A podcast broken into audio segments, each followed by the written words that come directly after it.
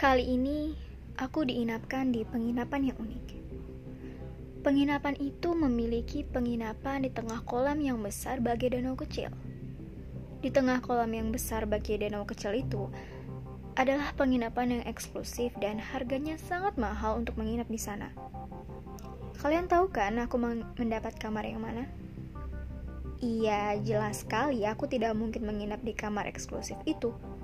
Aku diinapkan di kamar biasa di seberang tempat itu. Namun jika aku buka jendela, aku tetap mendapatkan pemandangan kolam yang besar bagi danau kecil itu. Saat itu, aku suka melamun di sana dari jendela kamarku. Yang biasanya kulihat adalah sebuah jembatan akses menuju tempat itu. Satu-satunya akses menuju tempat itu hanyalah jembatan itu. Maaf, aku terlalu bersemangat menceritakan tempat itu, tapi sebenarnya ada suatu kasus pembunuhan di hari itu aku terlibat dalam investigasi karena aku bersaksi bahwa selama satu jam lebih tempat itu tidak dilewati siapa pun. Kau ingatkan, aku memandangi jembatan itu sepanjang waktu. Di waktu itu, di sore hari, ada seorang yang meninggal. Satu-satunya orang yang menginap di kamar eksklusif di tengah danau. Mayat tersebut ditemukan sudah meninggal sekitar tiga jam yang lalu dalam keadaan dada tertusuk pisau. Dia adalah seorang pria yang datang bersama koleganya. Maka aku yang memiliki kesaksian ikut bersama koleganya untuk diintegrasi. Mereka semua menginap di lantai satu. Orang pertama yang diintegrasi bernama Maria. Dia tidak memiliki alibi yang kuat di mana dia berada saat tiga jam yang lalu. Yang pasti dia keluar dari penginapan, entah pergi ke mana, dan pulang dengan membawa souvenir. Dia mengabaikan ajakan koleganya untuk berkumpul di restoran di penginapan tersebut, karena sebenarnya mereka ada janji bertemu di waktu itu. Orang kedua bernama Abed. Dia memiliki alibi saat jam itu dia sedang mandi, dan di saat itu tetangga menginapnya pun mendengar suara air keran yang menyala. Dia mengaku mandi karena menurut jadwalnya mereka akan bertemu di restoran penginapan itu. Orang ketiga bernama Rozak. Dia memiliki alibi di saat itu dia berada di ruangannya, namun tak ada yang bisa memastikan keberadaannya di situ.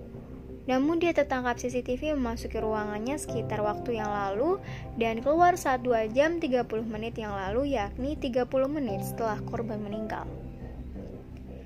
Yang kupusingkan adalah jika pembunuhnya di antara mereka bertiga, bagaimana dia bisa pergi ke lokasi dan tidak terlihat olehku? Setelah ku cermati ternyata ada cara dan itu tidak rumit. Aku pun akhirnya bisa menetapkannya. Kalian juga sudah kan pasti? Apakah Anda sudah siap dengan pemecahan kasus ini? Silahkan pause sebentar apabila Anda masih ingin berpikir, karena sekarang saya akan membeberkan pelakunya. Saya telah menjelaskan mereka semua menginap di lantai satu, karena itu bisa disimpulkan pelaku bisa keluar dan membunuh melalui akses jendela kamarnya untuk pergi ke sana. Lalu bagaimana caranya dia membunuh? Jelas sekali pelaku harus melalui jembatan itu untuk membunuhnya. Namun ketiganya terlihat tak melewati jembatan itu. Jelas sekali karena dia melalui kolong jembatan tersebut. Iya, pelakunya berenang, memegangi pondasi jembatan hingga sampai ke ruangan korban lalu membunuhnya. Untuk kasus ini jelas Maria tidak mungkin melakukannya karena dia sedang pergi berbelanja. Jika ia melakukan hal ini, dia seharusnya tidak pergi keluar karena badannya akan basah dan bau. Nah, itulah yang bisa dijadikan titik tumpu siapa pelaku pembunuhan ini. Bila melakukan hal ini, pelakunya akan basah, segala pakaiannya dan juga bau sehingga dia harus mandi. Siapakah yang mandi di saat itu? Ya, Abed adalah pelakunya. Dia berenang melalui bawah jembatan penyeberangan itu setelah keluar melalui jendela kamarnya, lalu membunuh korban, lalu kembali ke ruangannya lagi, dan mandi setelahnya untuk menghilangkan bau kolam ikat tersebut. Lalu, alibinya sempurna. Bagaimana kasus kali ini? Mudah bukan? Oke, bagi kalian yang ingin terus mendengar kisah misteri dan berlaga ala detektif, bisa terus ikuti channel ini agar channel ini terus hidup. Salam untuk para pecinta misteri.